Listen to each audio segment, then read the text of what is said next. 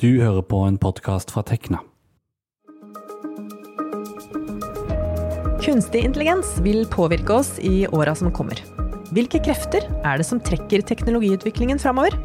Og bør vi som ansatte, som fagpersoner innen våre fagfelt, forsøke å ha en hånd på rattet i utviklinga?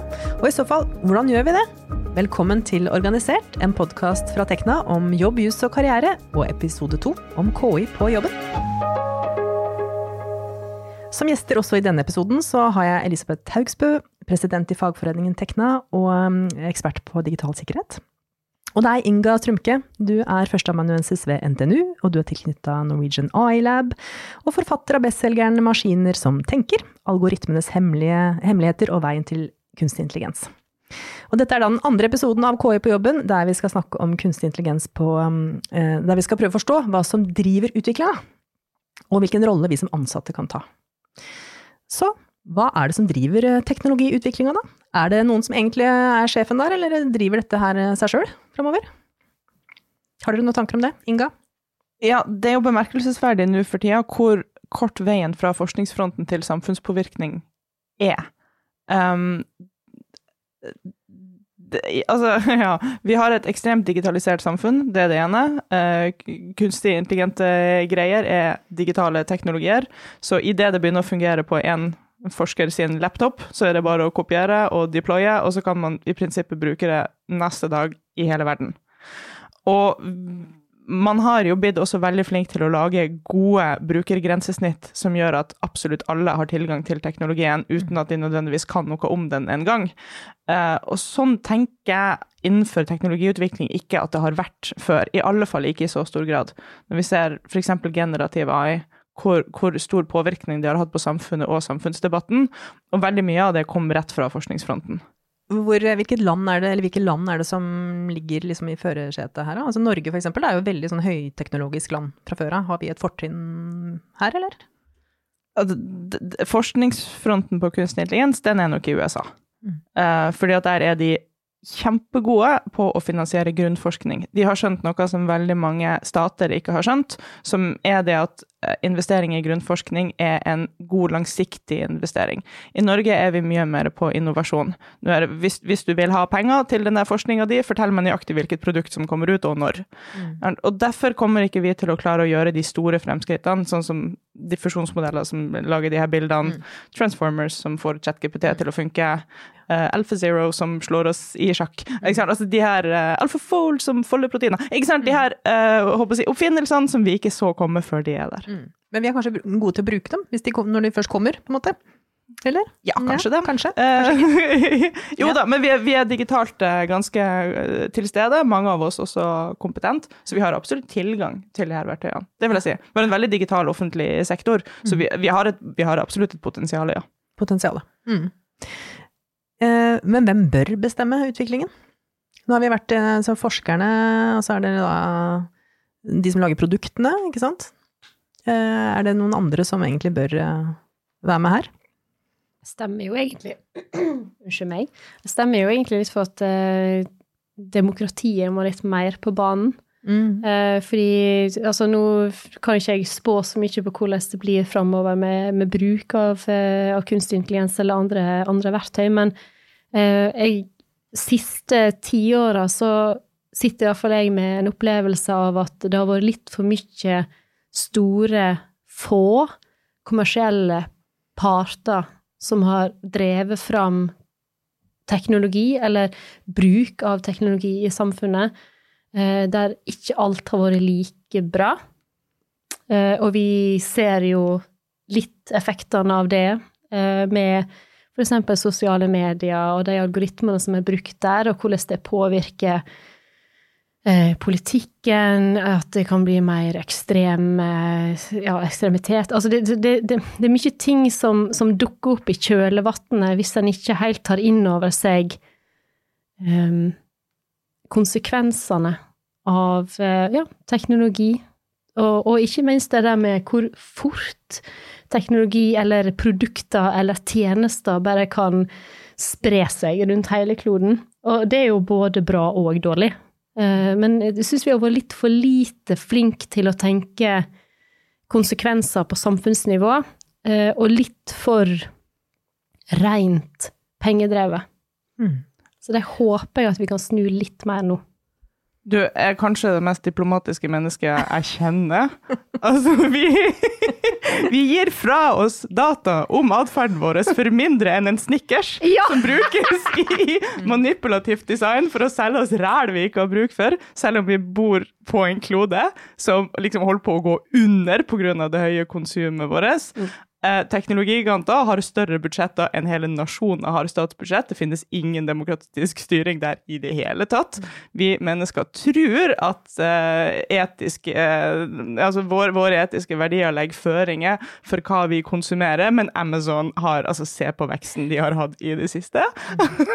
Så det er helt krise hvor vi er på vei hen. Men ikke sant, og da har dere What, what she har said. jo, men nå har vi jo snakka, eller eller du Inga har jo snakka mye om regulering og algoritmetilsyn og sånt. Nå er dette her da dette er en sånn um, Du mener at dette er med på å skulle kunne um, redde oss, liksom? Litt? Fra kommersielle aktører, eller? Ja, fordi at Ja. gode intensjoner er ikke nok for å sikre en etisk eh, utvikling, en ansvarlig utvikling. Um, det ene er at man uh, kan ha gode intensjoner, og så går det gale likevel. Og det andre er at det er veldig lett å, å oppføre seg på en etisk måte, uh, så lenge det ikke går utover bunnlinja og profitten. Um, vi ser at CEOs fra liksom, de, de største teknologiselskapene var i Det hvite hus, uh, tok Joe Biden i hånda og sa at ja, vi har så lyst til å la oss regulere, la oss sette opp noen frivillige etiske retningslinjer, så skal vi følge dem. De retningslinjene var så vage at det er helt umulig å håndheve dem. Nøyaktig samtidig som det skjedde, så hadde de fleste av de selskapene uh, veldig, veldig stor lobby eh, virksomhet inn mot de som sitter i EU og prøver å faktisk skrive AI-reguleringer for å prøve å vanne dem ut. Så det å si at man har tenkt å oppføre seg på en etisk måte, er ikke det samme som at man faktisk er villig til å la seg regulere, og er villig til å la ansvarlig eh, forretningsdrift gå utover bunnlinja. Men i Norge så er vi jo eh, tradisjonelt veldig opptatt av demokrati på jobben, altså på arbeidsplassene. Hvordan kan, eh, altså kan fagforeninger, kan rollen til altså massene av de ansatte, måte, kan, kan vi ta noen rolle der? Det mener jeg absolutt vi kan. eh, Og, og så liker jeg jo at Inga kalte meg diplomatisk, for jeg prøvde faktisk å være litt rund i kantene, så elsker jeg at du bare kan være Whip it down! Okay, men, men uansett. Um, altså, det, det tillitsbaserte samfunnet som vi har i Norge, én ting vi kan ikke ta det for gitt, men to er at vi har jo, vi har jo prosesser for å underbygge eh, det samfunnet vi har, og den tilliten vi har, og fagforeninger er en stor del av det. Eh, og vi har, det, vi har et effektivt samfunn. Vi kan ta beslutninger, selv om vi syns at det går med fryktelig lang vei til beslutningene nå òg, men i sammenligning med andre land, så er det faktisk ikke det. Og, og den, det samarbeidet, det partssamarbeidet som vi har i arbeidslivet, eh, mellom ledelse og, eh, og regjering eller styre og, eh, og bedriftene, er jo fantastisk. Men det som ofte skjer, da, eller det som jeg opplever ganske ofte, er at en, at en skiller mellom organisasjonsutvikling og teknologiutvikling. Der mener jeg at det That ship has sailed. Sorry, altså. Det, nå er organisasjonsutvikling er teknologiutvikling og omvendt. Det er helt, helt sammen. sammen. Og, og da må en jo òg ta med fagforeningene eh, og den organisasjonsutvikling, det partssamarbeidet, inn i teknologiutviklinga. Og der mener jeg at vi har et stort potensial. Eh, for, og spesielt kanskje skal jo selvfølgelig snakke opp våre flotte tillitsvalgte, fordi de er jo òg fagfolk. Eh, mange av våre medlemmer er utrolig gode på teknologi, forstår teknologiutvikling, forstår konsekvensene, forstår eh, mulighetsrommet på en helt annen måte enn det eh, andre fagfelt gjør. Så liksom det å få de med inn når en begynner å snakke om organisasjonsutvikling og teknologiutvikling sammen, det tror jeg er nøkkelen til at vi kan ta i bruk f.eks. Eh, kunstig intelligens på en god måte, også i arbeidslivet. Det er veldig interessant det du sier nå. for at jeg, altså Unnskyld, nå prøver dere å være konkrete, og dere er veldig flinke til det, og så skal jeg bare woo, opp i atmosfæren med oss. Eh, en av mine favorittfilosofer, Heidegger, påpeker at teknologi, altså, teknologi er egentlig en måte å se oss sjøl Mm. På. Vi, eh, og det her, Nå siterer jeg ikke den her filosofen, da, men jeg parafraserer. Um, vi, vi, bruker veldig ofte den mest aktuelle teknologien, og den teknologien som preger oss mest, til å liksom skape et verdensbilde, og også nærmest bygge våre organisasjoner etter. Så det er en sånn, en sånn uløselig link mellom vår verdensforståelse og teknologien uh, som, som vi bruker mest.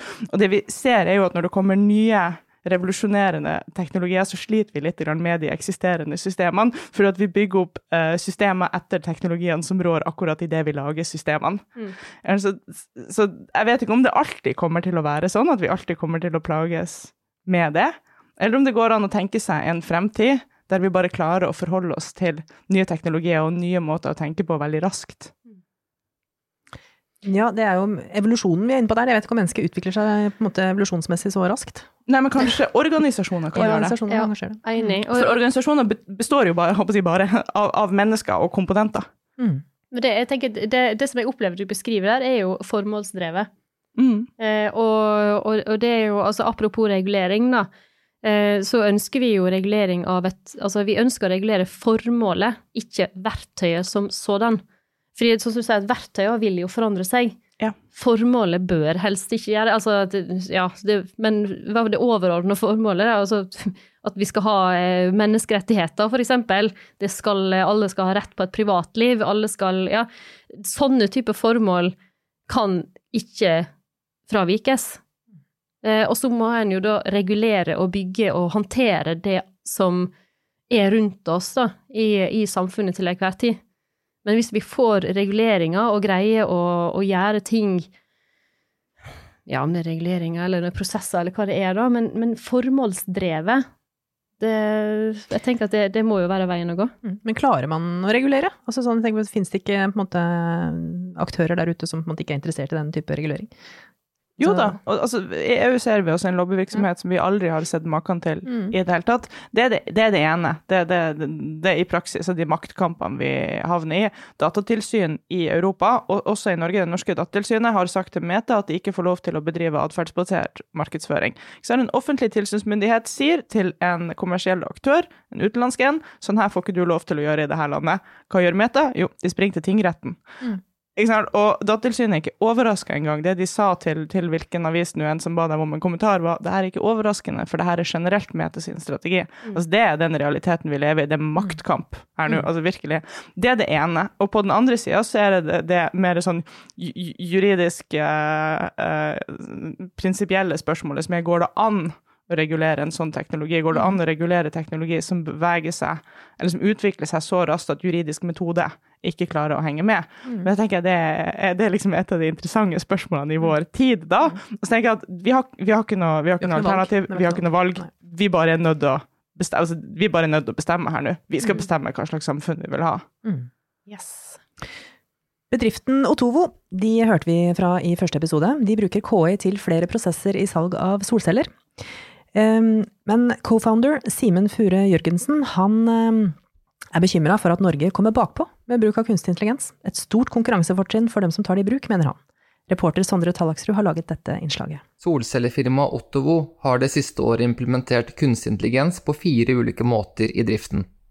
Simen Furre Jørgensen, som er produktsjef i selskapet, er bekymret for hva som skjer om ikke Norge hopper på toget i tide. Det er jo som veldig mye ny teknologi, at det er både fordeler og, og ulemper.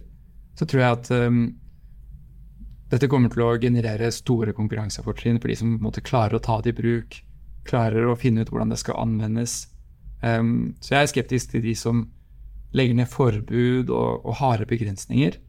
Vil heller tenke at han vil måte selvfølgelig være på vakt, se hvordan måte, utviklingen går, og at det heller kan reguleres mer på et senere tidspunkt når man skjønner hva som er måte nedsider. Um, jeg er veldig bekymret for at vi f.eks. i Norge kan tape et eh, konkurransefortrinn hvis vi er sent ute med å lære oss dette da, og tørre å ta det i bruk. Du, du, ser for deg en fremtid hvor alle egentlig kommer til å bruke det i, i, i, fremtiden, men det handler om å være tidlig nok ute. Ja. ja. I Norge har vi god tradisjon på å være tidlig ute med, med digitalisering. Um, F.eks. med tanke på Altinn, med tanke på, på skatt, mm. um, sånne ting. Um, og vi kan måtte, bruke litt av den samme holdningen og tankegangen til å være tidlig ute og prøve ut kunstig intelligens. Regulering. Uh, her er hun litt inne på, så kan man liksom regulere seg ut av en konkurranse også. Altså at man blir helt sånn der, ikke sant, man Mm. blir veldig firkanta. Og så kan det være da andre markeder som bare hopper bukk over disse reguleringene, og så sitter vi der. Så tar ting veldig lang tid. Dere er ikke redd for det? Eh, al- altså, nå, jeg, nå blir jeg sikkert litt for diplomatisk og rund i kantene igjen, men jeg kjenner jo, jeg kjenner jo litt på dette Ja, men altså De, de vi Ja, i den grad vi slåss, da. Det vi, de vi slåss med, er jo um, kommersielle selskap som i utgangspunktet ikke ønsker samfunnet vel og ved, de ønsker å få ut et utbytte. Eh, og så skjønner jo alle sammen at for å drive butikk, så må du ha et visst Det må være en pengestrøm her, altså det må jo være livlaga. Men vil vi være i et samfunn der profitt skal slå eh, grunnleggende menneskerettigheter? Er, er det liksom Og så sier ja, ok, så kan du konkurrere deg ut av det, men eh, vil vi ha et sånt samfunn, da, hvis det er prisen du betaler? Eh, Så, så jeg mener at eh, vi greier å lage reguleringer for iallfall å, å, å prøve å motvirke. Og så Herlighet. Det, nei, nå ble det, et mørkt bilde her, altså. Det, jeg, jeg nekter å slippe trua på at, eh, at vi De gode at tingene, vi- de gode ja, kreftene. De gode kreftene. Mm. Det nekter jeg å slippe trua på. Jeg er helt enig med deg, det er ikke alle konkurranser vi har lyst til å vinne eller engang være med i, og vi står heller ikke på bar bakke. Det går an å se, altså Vi bestemmer hva skal foregå i dette landet. Greit, gjennom EØS arver vi noen par reguleringer fra EU, men vi har da fremdeles selvbestemmelsesrett. Det går an å se for seg en, en, et eller annet apparat med, med en veiledende uh, myndighet Uh, som, som kan f.eks. gå inn og hjelpe casebasert til å tolke lovverk. Fordi at både personvernforordninga og kommende AI Act som vi, får fra EU, kommer til å være høyt oppe i atmosfæren, og så kommer det til å være mye tolkningsansvar på dem som skal bruke teknologi i en gitt kontekst. Vi kan se for oss at det finnes et eller annet apparat som kan gå inn og faktisk veilede aktører, sånn at vi kan finne løsninger sammen eh, til, ja, til, til å lage produkter på en ansvarlig måte. Så Det, det er ikke sånn at det er liksom naturkrefter der ute som vi bare er prisgitt. Så det her er ikke klimaendringer. Nei, ikke sant? Gjorde jeg det verre. Ja! Nå skal, jeg tenkte jeg skulle prøve også å få oss litt ned på den konkrete jobbhverdagen eh, igjen. Um, jeg vet at uh, Tekna de har noen tanker om hvordan på en måte, offentlig sektor eh, kan begynne å bruke KI litt sånn open source-aktig og sånt. Nå kan du ikke fortelle litt eh, om det? Jo, altså, igjen da, så syns jeg jo altså, Kunstig intelligens er jo igjen et verktøy. Eh, Vi må for all del ikke glemme det. Det er ikke en allmennhet, eller det er ikke en gud, eller det, ja, det er et verktøy. Ok, Hvordan kan vi ta i bruk et verktøy? Og det spesielle verktøyet her, eh, det, det eter data, og så, og så får du noe fint etterpå. Ok, eh, men da vet en jo at den dataen du putter inn, da, den må du ha litt kontroll på. Så det, det er sånn, sånn vi har tenkt at eksempel i offentlig sektor, men også i privat sektor, eh, de dataene som, som en tenker på som ikke-sensitive, eh, kan begynne der. For det handler jo om å begynne en plass. En kan ikke være totalt handlingsramma fordi at en, en tross alt har noe data som er ganske sensitivt. Men en trenger jo ikke begynne på høyrisikoen. Begynn, finn en lav risiko. Begynn der, og teste ut. Eh, og så er det veldig viktig, altså igjen da tilbake til at eh, hypotesedrevet. For jeg, jeg tenker at ja, det her skal være vi, vi skal, Jeg så en hypotese her, ja.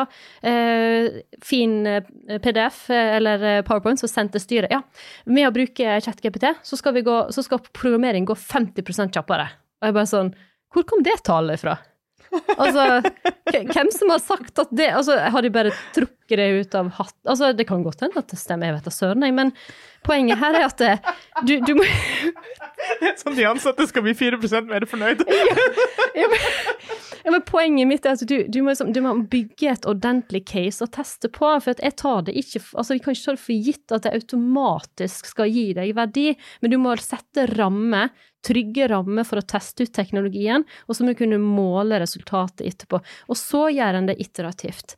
Vi mener jo at det her er jo eh, veien å gå. Ikke like sexy og kult som å bare å hoppe i det, men da har en iallfall mer kontroll, og en har et, noe målbart, håndterbart å jobbe med. Men eh, hva er tanken da, at man kan begynne um, å jobbe med det og så dele? Også på tvers av på en måte Absolutt. eh, sektorer i, offent eller i offentlig, sek nei, offentlig sektor? Ja, men igjen da, ikke bare, ikke bare offentlig sektor. Så jeg, kan, det, jeg må jo dele, må dele lærdom òg. Men det sitter jo Ja, vi er jo såpass heldige her i Norge at vi har faktisk utrolig mange flinke tech-folk som sitter i offentlig sektor. Det, det, har vi, det glemmer vi litt av og til. Vi liksom tenker at privat sektor er liksom den som, er, som har alle, alle tech-folka, men for eksempel Nav har jo digert, eh, en diger avdeling med masse, masse flinke tech-folk, og selvfølgelig andre folk, men spesielt tech-folk, da. Og, og de sitter jo og utvikler både algoritmer for å, for å gjøre det offentlige bedre, og så kan en si hva en vil om Nav, eh, og at det er trasig og sånt, men, men det er tross alt Det fungerer tross alt ganske bra, og spesielt hvis en sammenligner det med andre land som ikke er like digitalisert som oss. Så, så handler det om at vi, kan, vi har ikke nok folk til at alle sitter på hver sitt hue og utvikler noe som er veldig likt. Eh, og så er det um, noe som kan deles. Altså, vi har jo snakka litt om det, kan hende Inga kan utdype. Jeg føler at jeg, jeg er litt sånn eh, starstruck. Jeg tør nesten ikke si så mye når hun sitter der. Det det var feil. Men eh, Nei, det er bare menn i dress som får det. Jeg kan jo tross alt bare sånn gammel AI, sånn kybernetikk. Men, eh, men, men, men poenget er jo at eh, altså del det en kan. En kan dele noe, noen algoritmer kan en dele i sin helhet. En kan dele eh, halvtrent, ferdigtrent, ikke trent. Altså, men del kunnskapen, for vi er ikke mange nok her til å sitte på hver sin haug og utvikle det samme. Eh, og, eh, og, eh, og det, jo, det kan en òg bygge opp fagmiljø på den måten. Men vi er jo Vi har jo begynt med en del sånn åpen, åpen kildekode, så vi kan liksom fortsette med Men igjen så må en gjøre den risikovurderingen. Hva er det det her er for noe? Hva kan vi dele, hva kan vi ikke dele? Har det noe for seg å dele den biten her av informasjon, eh, eller ikke? Så eh, nei, det er masse, masse muligheter. Så hvis man sitter som fagperson og lurer på nå, hvordan skal jeg komme i gang, så er det sånn ta kontakt med andre fagmiljøer i, Ja, ja, og start noe, liksom. selvfølgelig. Jeg er, så, jeg er så sinnssykt enig med alt det Elisabeth sier akkurat nå. Det, vi kan ikke sitte på uh, hver vår haug. Dette er ikke et nullsumspill. Altså, alle sammen kan få det bedre av at vi nailer de her tingene. Det er jo akkurat sånn forskere også f.eks. jobber. Vi kan samarbeide selv om vi tilhører forskjellige institusjoner. Så er vi så heldige da at vi ikke konkurrerer nødvendigvis i samme marked. Jeg skjønner at det ikke er så enkelt. Men det er kanskje enklere da i offentlig sektor, da, om man ikke har liksom eh, Ja, kanskje men- forretningshemmelighetene på samme måte. Men jeg tror også at i privat næringsliv, f.eks. fordi at det her eh, tolkningsarbeidet som jeg var innom på tidligere, av vage reguleringer, det kan, det kan faktisk gjøres i fellesskap. Vi har dessverre ikke en koordinerende instans. Det kan hende at bransjer må eh, slå seg sammen for å, for å koordinere sammen. Eh, og bransjestandarder oppstår jo rett som det er. Så jeg tror virkelig at det går an å samarbeide og, og ende opp med at alle sammen får det bedre. Og så har jeg også lyst til å stille meg bak skryten av Nav. Fordi altså maken til kompetent og fremoverlent AI-utviklermiljø tror jeg aldri har vært borti før. Virkelig. Og de diskuterer så spennende ting. Altså, de, de, de, de er virkelig langt fremme i, i skikkelig aktuelle problemstillinger innenfor AI.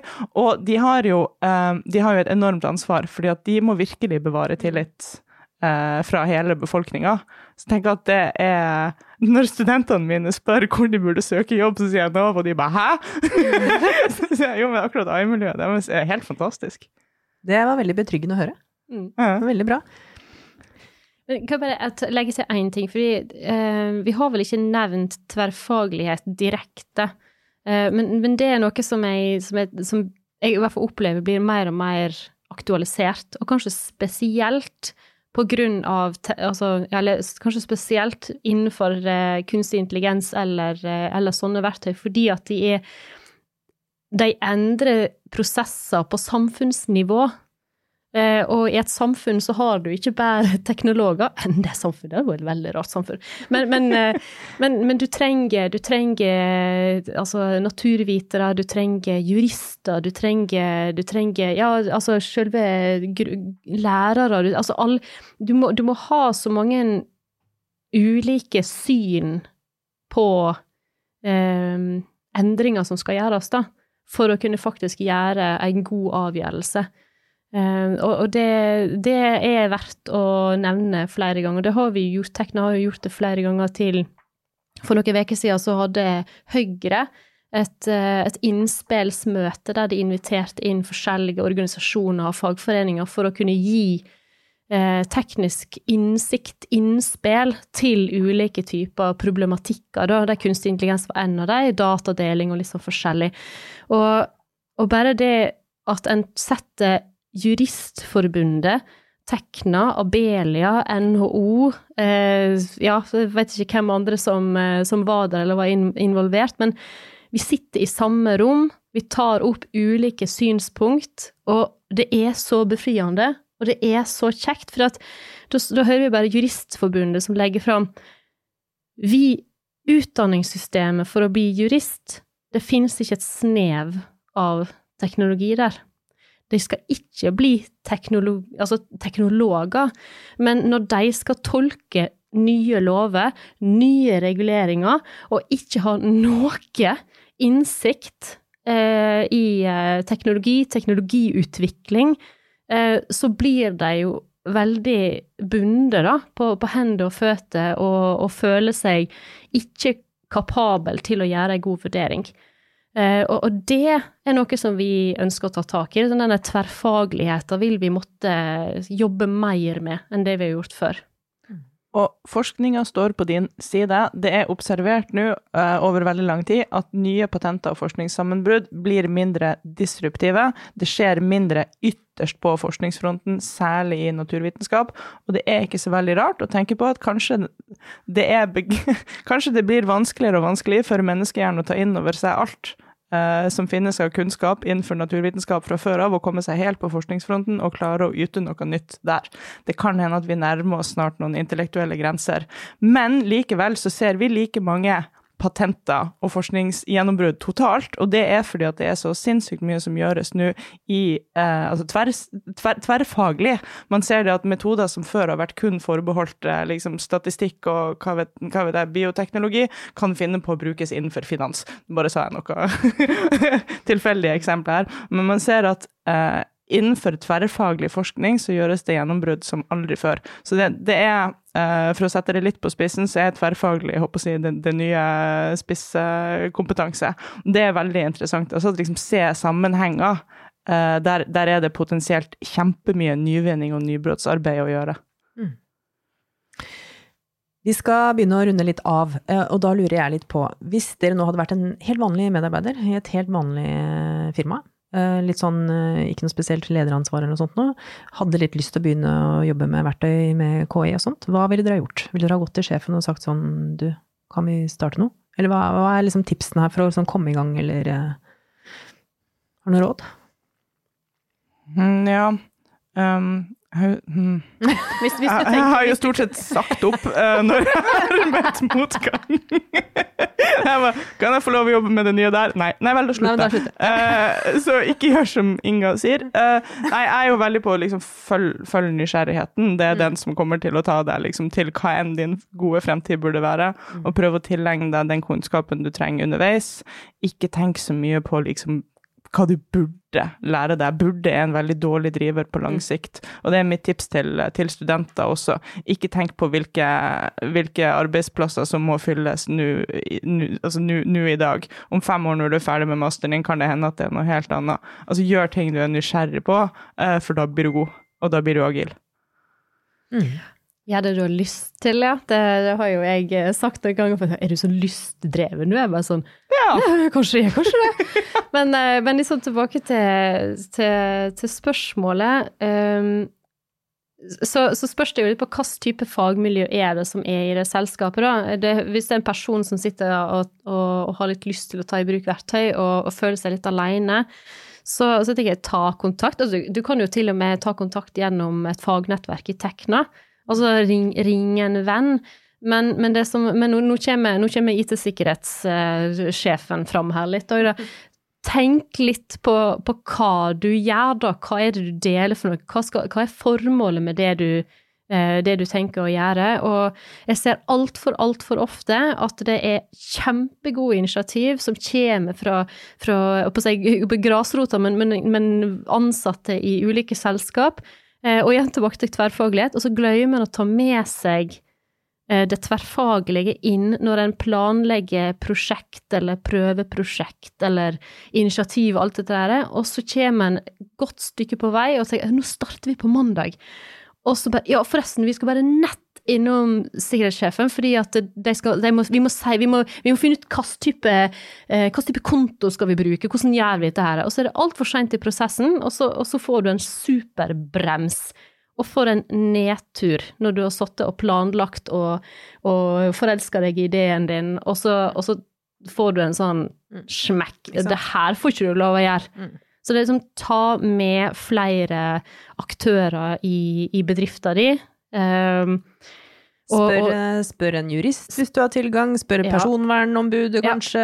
Ja. Ta de med, ta de med, og, ja, ta de med fra start. Mm. Eh, planlegg prosjektet og finn ut sånn Hva er det du vil finne ut? Hva skal formålet være for noe? Eh, også selvfølgelig ja takk til all ny læring, men, mm. eh, men eh, ja, eh, sikkerhetssjefen her, mm. vær litt eh, innom risikotankegang. Mm. At en fryd å høre på det. Å, nydelig. Tusen hjertelig takk. Jammen lever vi i spennende tider. Um, det skal bli interessant å høre på denne poden gjennom 20 år. Mon tro som har skjedd i løpet av liksom de neste 20 åra. Kanskje blir dette skikkelig flaut å høre på, jeg vet ikke. Eller kanskje traff vi veldig bra, eller kanskje var vi for optimistiske eller negative, ikke vet jeg. Den som lever, får se. Tusen takk for praten om eh, KI og hverdagsliv på jobben, Inga Strømke og Elisabeth Haugsbø. Og til deg som lytter, i den tredje og siste episoden om KI på jobben, så spør vi Tekna-advokaten om hva som skjer med rettighetene våre på jobb når KI inntar arbeidslivet. Har du innspill til temaer du gjerne vil at vi tar opp i Organisert, så sender du oss en e-post til podkast.krøllalfa.tekna.no. Tusen takk for at du hørte på. Dette har vært en podkast fra Tekna, en fagforening for deg med mastergrad i naturvitenskap, realfag eller teknologi. Les mer om oss på tekna.no. Programleder var Vibeke Westerhagen, reporter Sondre Tallagsrud, og teknisk ansvarlig var meg, Andreas Kili Grenasberg.